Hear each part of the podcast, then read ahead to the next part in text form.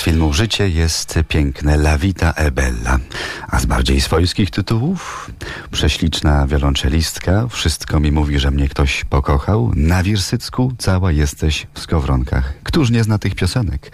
Ich autorem nasz dzisiejszy gość.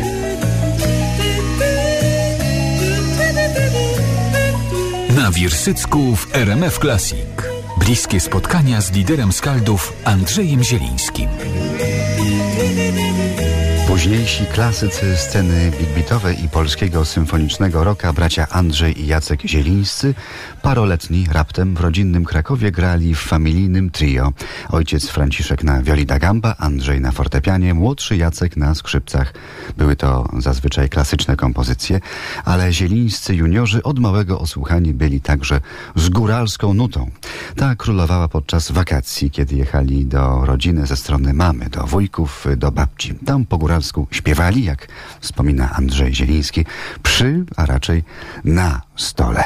No i tam, jak to u górali, są różne imprezy typu chrzciny, wesele i tak dalej, gdzie się dużo śpiewa, no i wówczas po prostu jako takich dwóch muzykalnych chłopców namawiano nas do śpiewania, no i wtedy pamiętam na tym stole, no pan wspomniał legendarny stół, no bo wzrostem byliśmy jeszcze na tyle niewysocy i nieduzi, że po prostu, żeby było lepiej słychać, to na stole staliśmy, śpiewaliśmy w duecie Jarzębino-Czerwona, bo wtedy to był największy przebój w Polsce.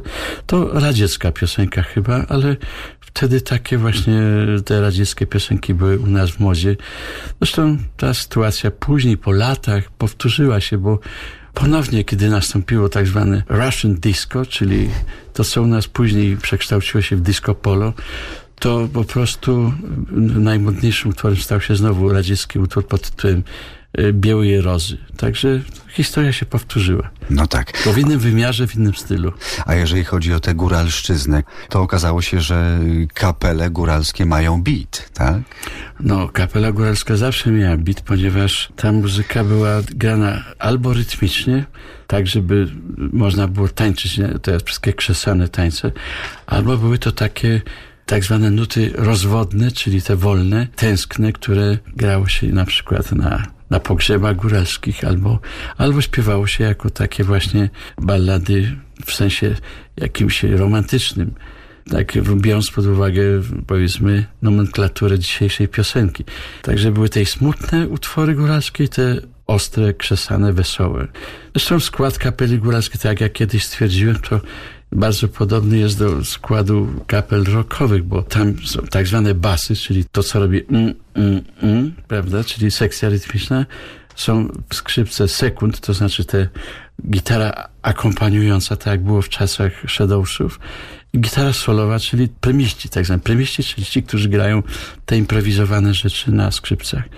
Także to są te pewne analogie do zespołów gitarowych, rockowych. No najbardziej właśnie chyba ze wszystkich folklorów polskich folklor góralski jest bliski właśnie jakiejś muzyce rockowej. No więc nie dziwi to, co przyszło później, kiedy już Andrzej i Jacek muzykowali w skaldowych składach. Stylizacje góralskiej muzyki stały się ich wizytówką. Z kopyta kulik rwie, na Wirsycku, Juchas zmarł, Krywań, czy na samym początku pieśń do słów Leszka Aleksandra Moczulskiego, za którą nagrodzono zespół na piątym festiwalu piosenki w Opolu. Nasi krakowiacy i górale, skaldowie śpiewają i grają. Do rozmowy z Andrzejem Zielińskim wracamy za chwilę.